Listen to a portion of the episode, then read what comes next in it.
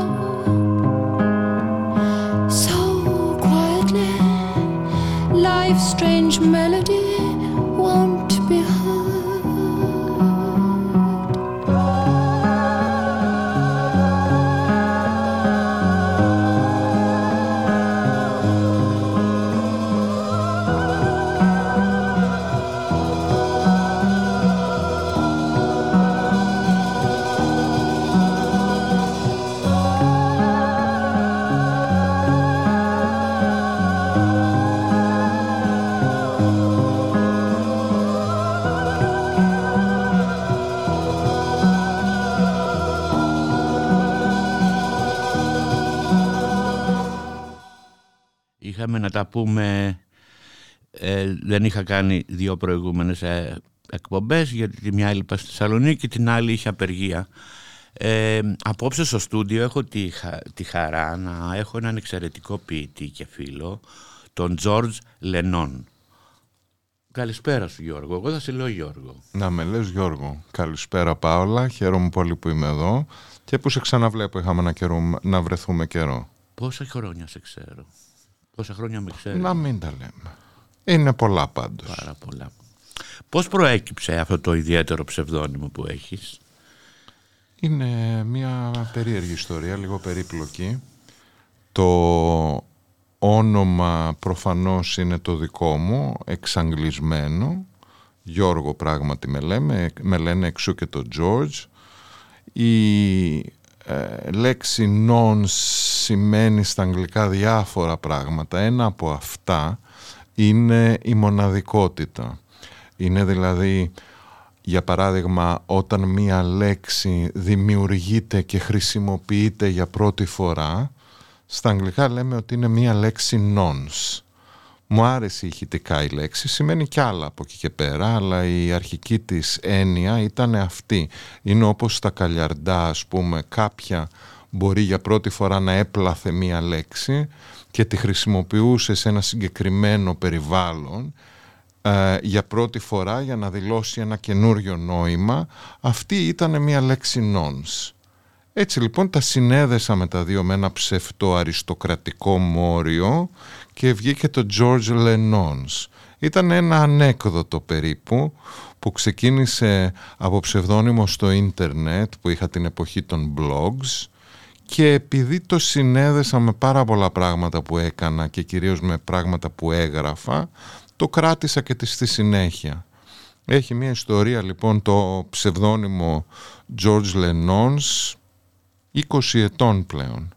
Το blog αυτό πώς λεγόταν, είχε, μια, είχε πολύ επιτυχία το blog που είχε. Δεν ξέρω αν είχε πολύ επιτυχία. Τότε η επιτυχία στο ίντερνετ μετριόταν ε, με διαφορετικούς τρόπους. Δηλαδή το να έχεις ας πούμε 100 ή 200 αναγνώστες την ημέρα ήταν μια σχετική επιτυχία. Τώρα είναι μια αποτυχία προφανώς, τώρα είναι η εποχή του Facebook, το οποίο μάλλον δεν είναι καν η εποχή του Facebook, η εποχή του Facebook σκότωσε τα blog σε μεγάλο βαθμό, ε, μετά περάσαμε σε ακόμα πιο μικρές φόρμες με τις οποίες εγώ δυσκολεύομαι πάρα πολύ, μικρές φόρμες εννοώ το Instagram, το TikTok και όλα τα καινούργια μέσα που έχουν και βίντεο, έχουν και πολλή εικόνα, άρα είναι κάπως διαφορετικά. Αλλά την εποχή εκείνη ήμασταν ξέρω εγώ καμιά εικοσαριά, τριανταριά που γράφαμε τακτικά σε blog και μάλιστα σχολιάζαμε και ο ένας του άλλο. Ένας από αυτούς ήταν και ο Πάνος Μιχαήλ που είχες εδώ τις προάλλες ε, και μάλιστα μέσω των blogs γνωριστήκαμε με τον Πάνο τον καιρό εκείνο ε, και στη συνέχεια OK, okay, το blog με μένα, επειδή ρώτησες και ξέχασα ήδη την ερώτηση. Το blog μου λεγόταν Μούτρα, μετά έγινε τα μούτρα του George Le Nonce και έτσι παρέμεινε μέχρι σήμερα. Διαβάζουν μεγάλα κείμενα στο, στο, στο ίντερνετ μέσα από τις εφαρμογές. Εγώ τα βλέπω π.χ. ένα μεγάλο κείμενο στο facebook. Βαριέσαι. Βαριέμαι. Ναι, το καταλαβαίνω απόλυτα. Νομίζω ότι δεν βοηθάει και η οθόνη στο να διαβάσεις μεγαλύτερα κείμενα και ειδικά όταν οι περισσότεροι διαβάζουν σε ένα κινητό ή σε ένα τάμπλετ που είναι και μικρότερη η οθόνη αλλά και ο καταιγισμός των ερεθισμάτων που έχεις ας πούμε σε κάποια, σε όλα ίσως τα κοινωνικά μέσα, τα μέσα κοινωνικής δικτύωσης που έχεις το ένα, το επόμενο, το επόμενο και όσο διαβάζεις σκάει και άλλο και θέλεις όλα να τα προφτάσεις και να πας παρακάτω, να δεις και τι γράφει μετά και ποιος έγραψε άλλο και τι άλλα νέα υπάρχουν. Δεν είναι καθόλου εύκολο να σε συγκρατήσει ένα πιο εκτεταμένο κείμενο για να θέλεις να το διαβάσεις. Καμιά φορά συμβαίνει αλλά νομίζω σπάνια.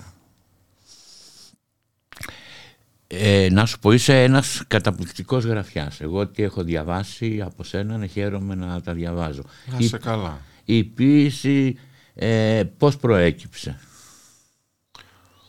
Νομίζω πως προκύπτει για τους περισσότερους ανθρώπους. Πρώτο προέκυψε με κάτι φεκαλέα ποίηματα ο Θεός να τα κάνει που έγραφα στα εφηβικά μου χρόνια αυτά ξέρεις που ως έφηβοι ονομάζουμε ποίηματα αλλά στην ουσία είναι η κραυγή της καρδιάς μας, η θλίψη μας, η ερωτική απογοήτευση, το τάδε αγοράκι που δεν μας ήθελε και ούτω καθεξής και γράφουμε αυτό το ξεχύλισμα πόνου, θλίψης και απογοήτευσης που το αποκαλούμε ποίηση και ευτυχώς στις περισσότερες περιπτώσεις δεν το διαβάζει κανείς άλλος, το διαβάζουμε μόνοι μας.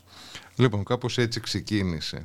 Στη συνέχεια έγραφα για αρκετά χρόνια, προσπαθούσα έτσι να εξελίξω αυτό το χάλι με το οποίο είχα ξεκινήσει στα 13-14 ως εφηβάκι.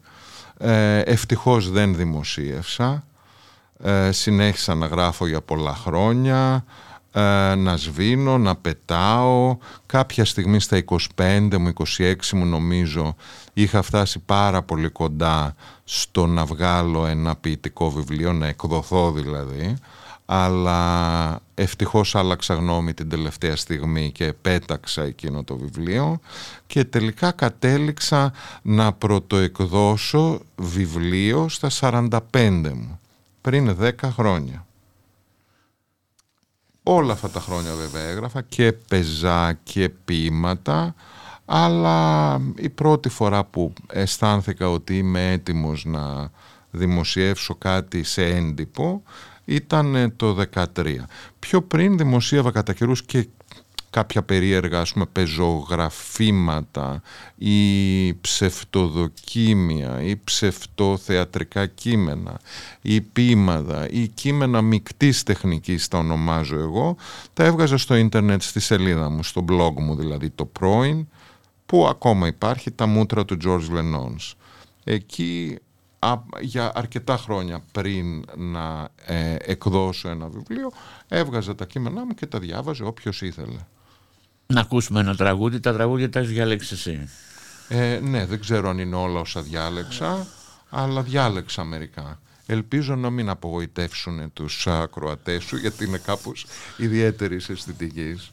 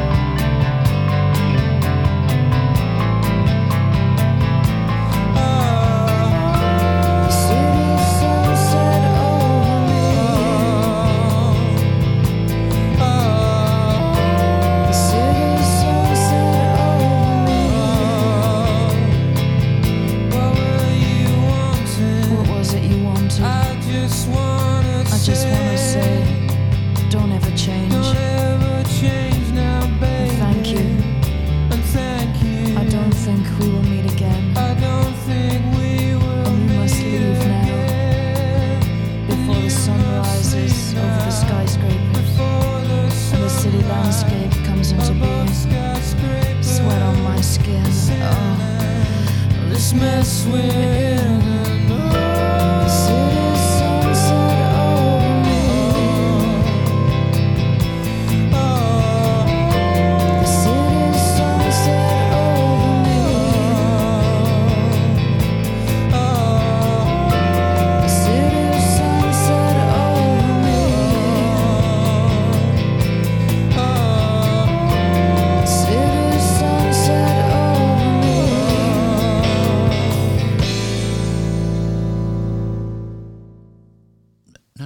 Ένα, ε, κάποιος άνθρωπος που γράφει ποίηση στη σημερινή εποχή μπορεί να τα εκδώσει εύκολα; Ναι, εξαρτάται βέβαια τι εννοεί κανείς εύκολα και τι είναι διατεθειμένος ο ποιητής ή είναι διατεθειμένη η ποιήτρια να κάνει.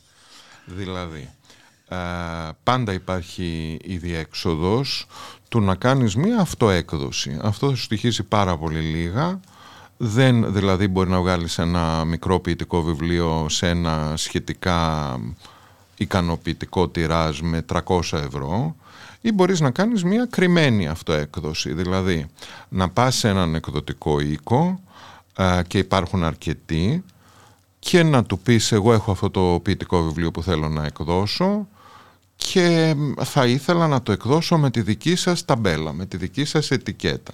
Πόσο πάει, θα σου πει ο εκδοτικός οίκος 500 αν είναι ε, ολιγαρκής, 1000 αν είναι λιγότερο ολιγαρκής, κάποιοι μπορούν να σου ζητήσουν και 3 και 4 χιλιάδες ευρώ, αλλά μετά έχεις την χαρά ότι το βιβλίο σου έχει εκδοθεί από έναν σοβαρό εκδοτικό οίκο. Ο σοβαρός εκδοτικός οίκος είναι στην προκειμένη περίπτωση αυτός ο οποίος χρεώνει τα περισσότερα λεφτά. Δηλαδή ε, στις περισσότερες περιπτώσεις ο ποιητής πληρώνει τον εκδοτικό οίκο για να εκδώσει το βιβλίο του. Δεν ισχύει αυτό για όλους, να είμαστε δίκαιοι. Υπάρχουν εκδότες οι οποίοι δεν το κάνουν αυτό και οι οποίοι έχουν και κάποια ε, κριτήρια και μια διαδικασία όπου μπορεί να πούνε σε ένα νέο ποιητή, μια νέα ποιήτρια δεν μας κάνει αυτό, δεν θα το εκδώσουμε ή μπορεί να του πούνε μας κάνει, θα το εκδώσουμε και θα το πληρώσουμε εμείς. Δηλαδή θα αναλάβουμε εμείς το κόστος. Εγώ ας πούμε όταν αποφάσισα ότι είναι καιρός να εκδώσω ένα βιβλίο, έστειλα το χειρόγραφο σε τέσσερις εκδοτικούς οίκους που εκτιμούσα. Από αυτούς μου απάντησε μετά από δύο-τρεις μήνες ο ένας, αλλά αυτός ο ένας που μου απάντησε ήταν πρόθυμος να εκδώσει το βιβλίο και να το πληρώσει και μάλιστα έκανε μια πάρα πολύ καλή, μια πολύ προσεγμένη, πολύ καλέσθητη έκδοση. Α, του πρώτου μου βιβλίου που είχες έρθει και εσύ αν θυμάσαι μου έκανε την τιμή να έρθεις να διαβάσεις την παρουσίαση του βιβλίου. Και τα επόμενα βιβλία μου που βγήκανε από άλλο εκδοτικό οίκο τη βιβλιοτέκη στα Εξάρχεια επίσης βγήκανε με μια διαδικασία όπου ο εκδοτικός οίκος ανέλαβε το κόστος και το ρίσκο της έκδοσης. Άρα αν τα λέμε και αυτά υπάρχουν εκδοτικοί οίκοι οι οποίοι είναι πράγματι σοβαροί. Αλλά υπάρχουν και άλλοι οι οποίοι ενώ θεωρούνται γενικά σοβαροί χρηματοδοτούνται από επίδοξους νέους συγγραφείς, ποιητές αλλά και πεζογράφους οι οποίοι πληρώνουν χρυσό το βιβλίο που εκδίδουν. Και επειδή το πληρώνουν οι συγγραφείς, σημαίνει ότι ο εκδοτικός οίκος δεν έχει κανένα ρίσκο αναλάβει και επομένως δεν έχει και κανένα λόγο να προωθήσει και να διακινήσει το βιβλίο. Άμα είναι να βγάλω λεφτά, ας πούμε, πουλώντας ένα βιβλίο, θα ασχοληθώ να το διακινήσω, να το διαφημίσω, να το προωθήσω. Εάν όμως με έχει πληρώσει ο συγγραφέας τα τρία χιλιάρικα, το βιβλίο μου έχει κοστίσει 400 ευρώ, έχω βγάλει εγώ 2,5 χιλιάρικα, τι με νοιάζει μετά να το διακινήσω, να το προωθήσω κτλ. κτλ. Το έχει άλλος στη βιβλιοθήκη να το βλέπει μόνος του. Ναι και να το στέλνει στους φίλους του. Και ξέρεις βγαίνουν περίπου χίλια ποιητικά βιβλία το χρόνο. Δεν είναι λίγα. Εγώ νόμιζα ότι σε αυτούς τους καιρούς η ποίηση Σωστά νομίζεις, σε αυτούς τους καιρούς η ποίηση δεν πάει τόσο καλά όσο ίσως πήγαινε πριν από 40-50 χρόνια, αλλά αυτό δεν σημαίνει ότι δεν εκδίδονται βιβλία, εκδίδονται πάρα πολλά και εκδίδονται με τη λογική που σου είπα.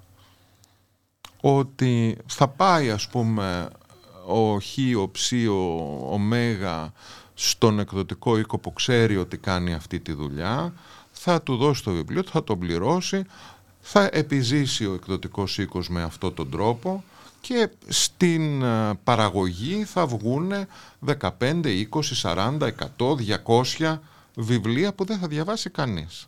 Άρα το ότι βγαίνουν χίλια βιβλία ποίηση το χρόνο δεν σημαίνει ότι η ποίηση ανθεί. Αυτό δεν έχει να κάνει με την ποίηση. Είναι τα βιβλία που βγαίνει ο καθένας που θέλει για δικούς του λόγους, από δική του φιλοδοξία, να βγάλει ένα βιβλίο. Ποίηση και social media συνδυάζονται τελικά αυτά τα δύο; Ε, θα έλεγα ότι συνδυάζονται με την έννοια ότι καθώς τα social media είναι παντού μπορούν να χρησιμοποιηθούν και πράγματι χρησιμοποιούνται από κάποιους πάρα πολύ συστηματικά και πάρα πολύ έξυπνα για να προωθήσουν και τη λογοτεχνία και την ποίηση και άλλες μορφές λογοτεχνίας στην πεζογραφία, ξέρω εγώ, μυθιστόρημα, διήγημα, θεατρικά κτλ. Ε, μπορεί λοιπόν στα κοινωνικά δίκτυα να προωθηθεί ένα βιβλίο, μπορεί πράγματι να δημιουργήσει ένα λογοτεχνικό έργο κάποιο κοινό μέσα από τα κοινωνικά δίκτυα και νομίζω ότι σε μεγάλο βαθμό αυτό έχει γίνει σε περιπτώσεις και ε, νέων queer λογοτεχνών όπως ο Σαμ Άλμπατρος που έβγαλε ένα βιβλίο στην Εστία, ένα μυθιστόρημα, το ελαττωματικό αγόρι που νομίζω ότι για τα δεδομένα ενός μυθιστορήματος νέου μυθιστοριογράφου είχε πολύ μεγάλη επιτυχία και την επιτυχία του οφείλει μεταξύ άλλων και στον τρόπο που ο Σαμ προώθησε το έργο του και πολύ καλά έκανε μέσα στα social media αλλά και στη θεματολογία που ήταν καινούρια. Άρα μπορεί να υπάρξουν στα social media και αναφορές στην ποίηση και στην πεζογραφία και συζήτηση για τη λογοτεχνία και προώθηση αλλά εάν η ερώτηση είναι αν μπορεί η ποίηση να επιζήσει τον social media αυτό είναι λίγο πιο δύσκολο ε, εγώ είμαι λίγο, εντάξει είμαι και 55 χρονών, είμαι και λίγο παραδοσιακός σε κάποια πράγματα.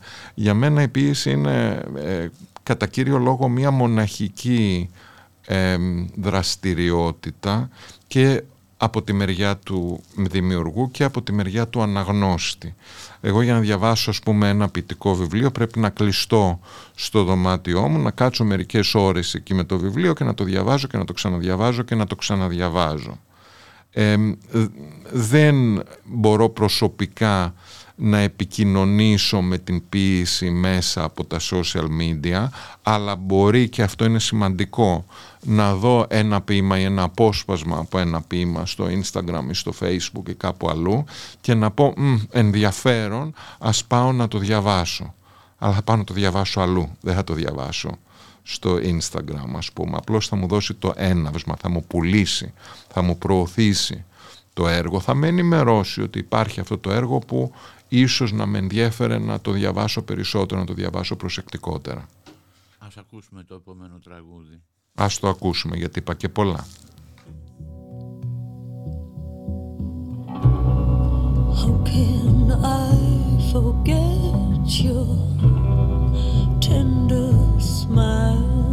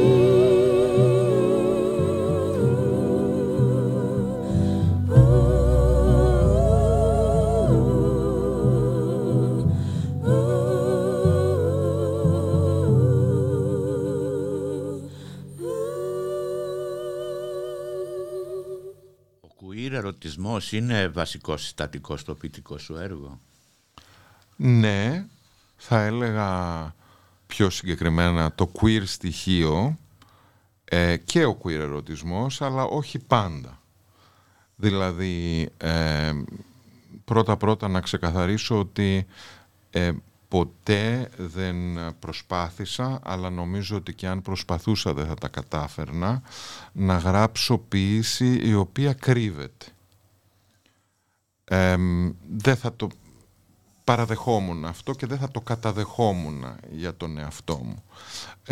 νομίζω ότι όσο περνάνε τα χρόνια τα πράγματα βελτιώνονται σε αυτό το τομέα και λιγότερο κρύβονται οι άνθρωποι, αλλά υπάρχουν ακόμα άνθρωποι που κρύβονται.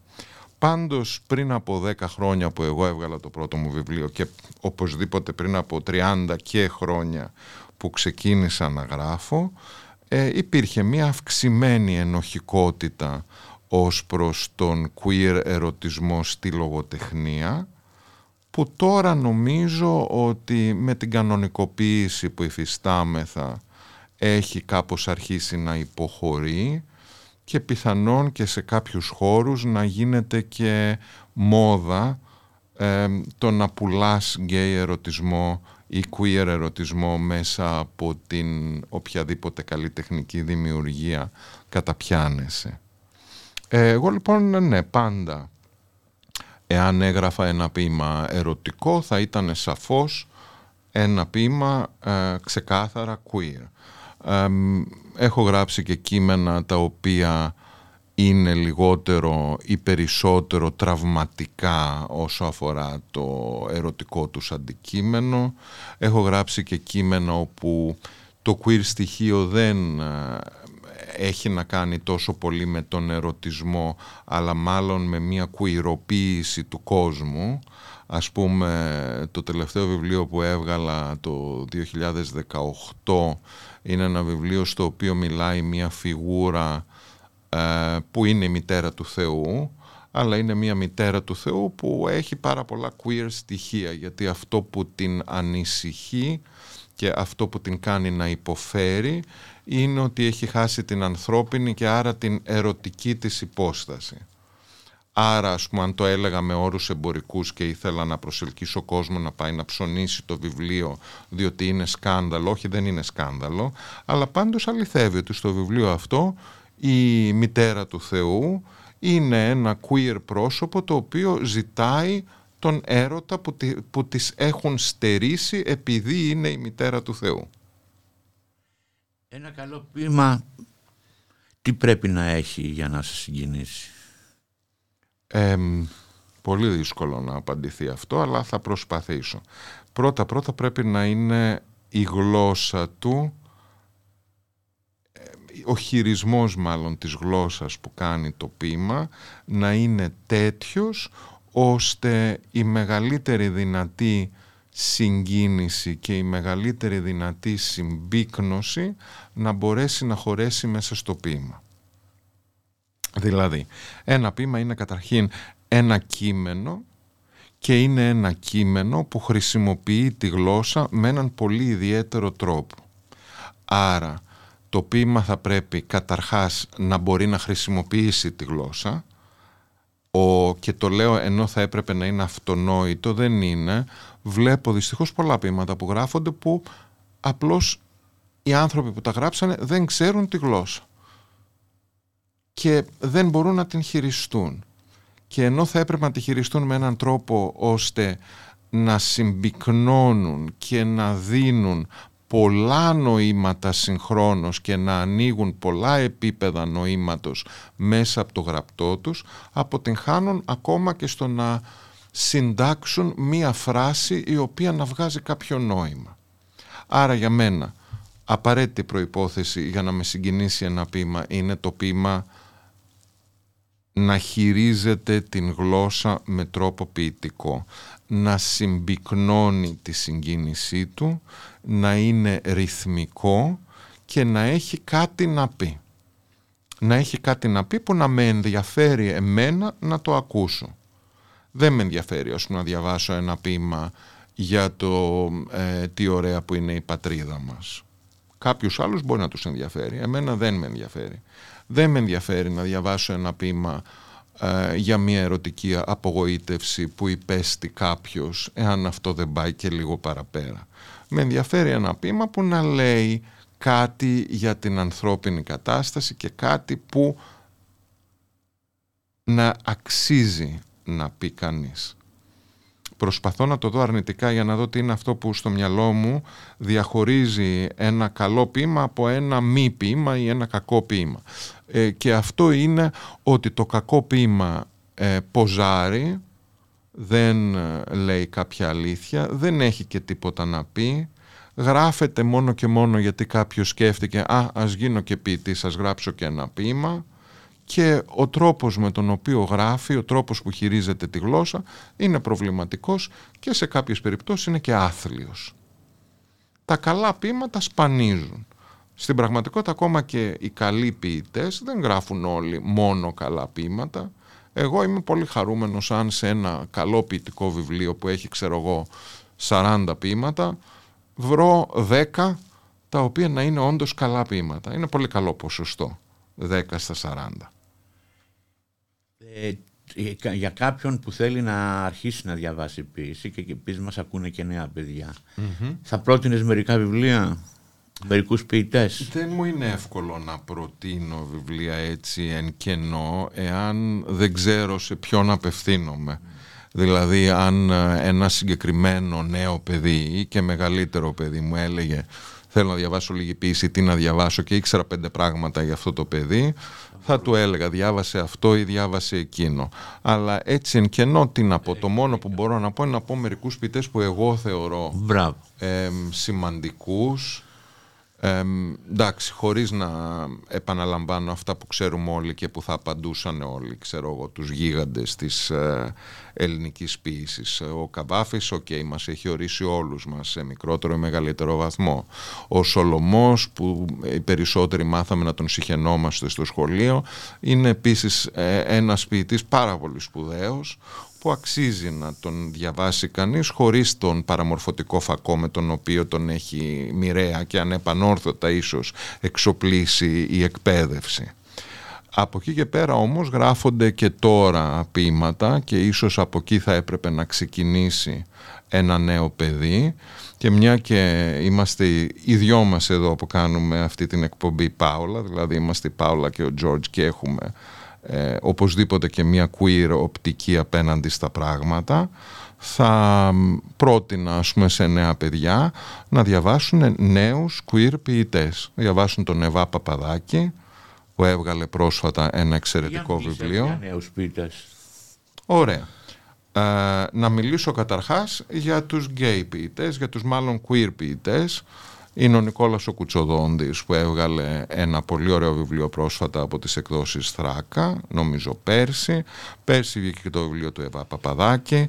Πριν από δύο-τρία χρόνια ο Μάριος Χατζηπροκοπίου, ο οποίος έκανε ένα αριστουργηματικό βιβλίο, τοπική τροπική, που βγήκε από τις εκδόσεις Αντίποδες. Αυτά νομίζω αξίζει να τα διαβάσει ένα νέο παιδί, ε, εάν δεν έχει και μάλλον δεν θα πρέπει να έχει πρόβλημα με τον queer ερωτισμό. Εάν έχει πρόβλημα με τον ερωτισμό είτε τον queer ή οτιδήποτε άλλο, καλύτερο να μην διαβάσει ποιήση έτσι κι αλλιώς. ο άνθρωπος ο οποίος είναι προβληματικός δεν μπορεί να επικοινωνήσει με την τέχνη και σίγουρα δεν μπορεί να, έχει, να επικοινωνήσει με την ποίηση. Αλλά εκτός από τα έργα τα οποία σαφώς τοποθετούνται σε μια queer ε, θεματική ε, γράφονται καλά ποίηματα και από άλλους νέους δημιουργούς και από λιγότερο νέους. Ε, κυρίως εμένα με κατά κάποιον περίεργο τρόπο με έχουν συγκινήσει τα τελευταία χρόνια ποίηματα γυναικών δημιουργών. Θα αναφέρω τη φίλη μου την ε, Μαρία Βαχλιώτη, θα αναφέρω την uh, Όλγα Παπακώστα η οποία επίσης έχει κάνει πολύ καλή ποίηση και με κάποια uh, queer uh, αν όχι θεματική πάντως τεχνική σε κάποιους τομείς θα αναφέρω ε, σκέφτομαι τώρα ποιους μπορεί να αδικήσω μιλώντας έτσι. Η Βασιλεία Οικονόμου είναι μια πολύ νέα ποιήτρια, πάρα πολύ καλή και αξίζει να, να, να ψάχνουμε έτσι τι νέο εκδίδεται, να μην ε, θεωρούμε ότι η ποίηση είναι μόνο αυτά που μάθαμε στο σχολείο και κυρίως να μην θεωρήσουμε ότι η ποίηση είναι αυτά που μάθαμε στο σχολείο όπως τα μάθαμε στο σχολείο. Πάμε σε ένα τραγούδι; Ναι.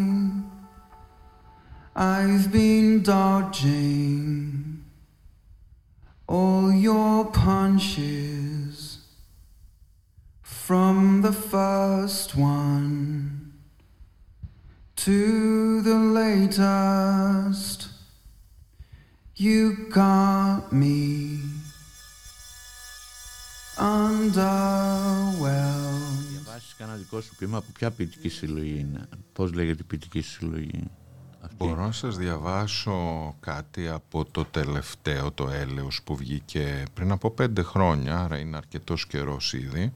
Αλλά είναι αυτό που συζητήσαμε πριν, που λέγαμε για το ότι queer δεν είναι απαραίτητο ένα έργο το οποίο μιλάει για, ξέρω εγώ, εμ, ε, μια ερωτική συνέβρεση έξω από τα ε, cis ετεροφιλόφιλα πρότυπα, αλλά queer μπορεί να είναι και ένας διαφορετικός τρόπος να δεις κάποια πράγματα που τα έβλεπες με έναν άλλο τρόπο μέχρι τότε.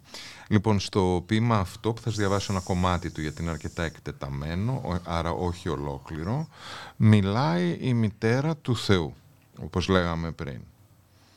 Το συγκεκριμένο ποίημα λέγεται «Ακατέσχυντη» και φανταστείτε παρά τη φωνή μου ότι είμαι γυναίκα και σας το διαβάζω.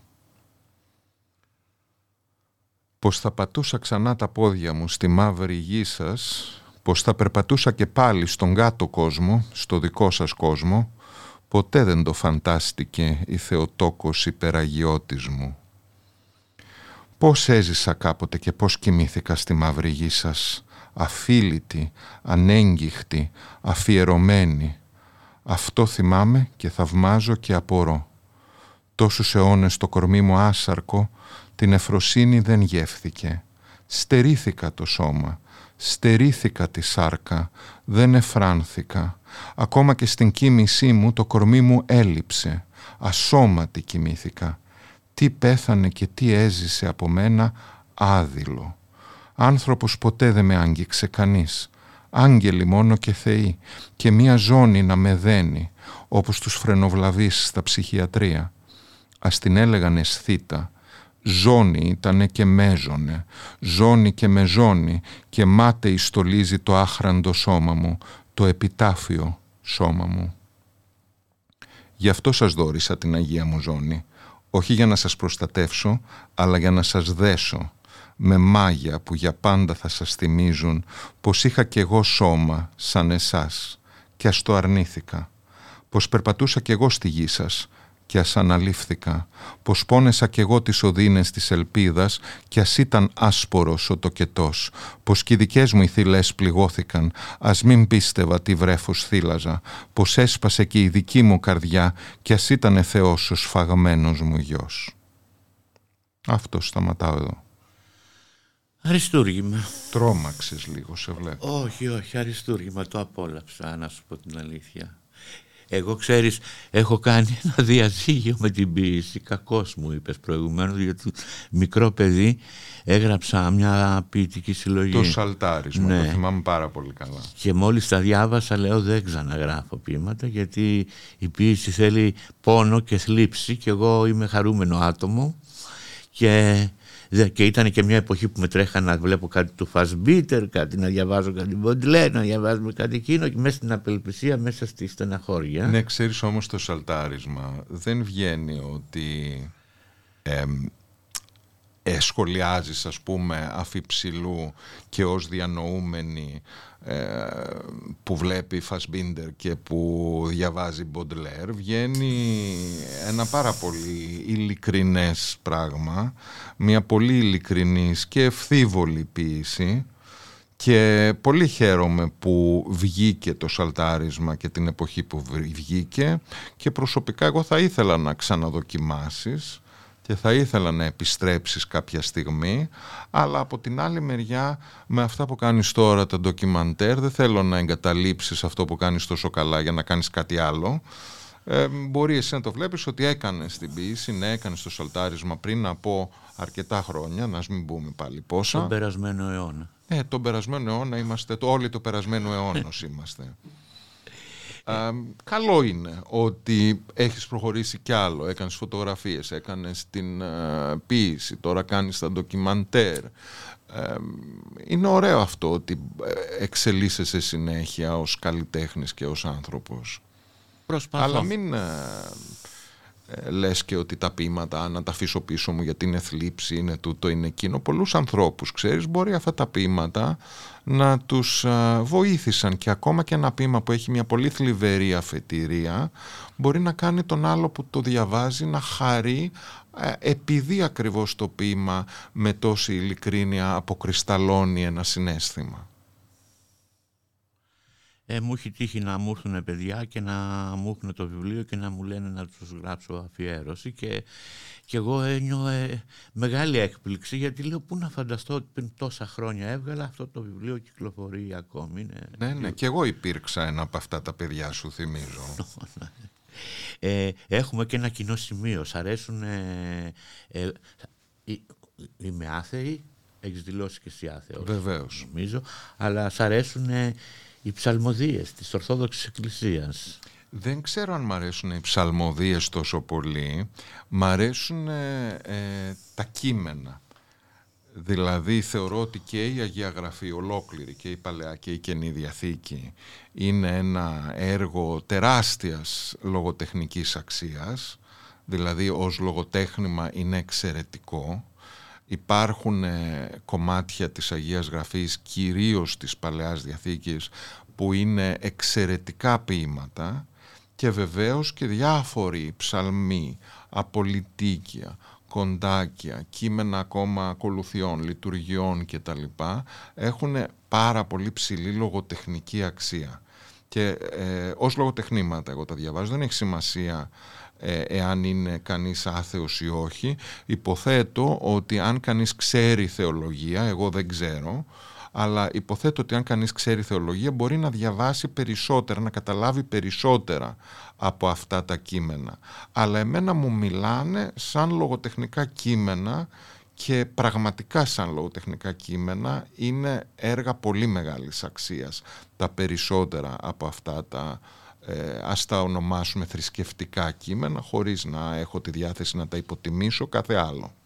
Ο Ρωμανός ο Μελωδός Ναι. ήταν σπουδαίος. Ναι και όχι μόνο δηλαδή ε, σου λέω ακόμα και δεν ξέρω αν πας σε μια κηδεία και αρχίσεις να προσέχεις τι λέει νεκρόσιμος ακολουθία ε, είναι υπέροχο ποίημα και είναι κρίμα να το απορρίπτουμε ή να μην το ακούμε επειδή δεν πιστεύουμε στο Θεό ή δεν πιστεύουμε στο Θεό των χριστιανών. Να ακούσουμε ένα τραγούδι. Ας ακούσουμε.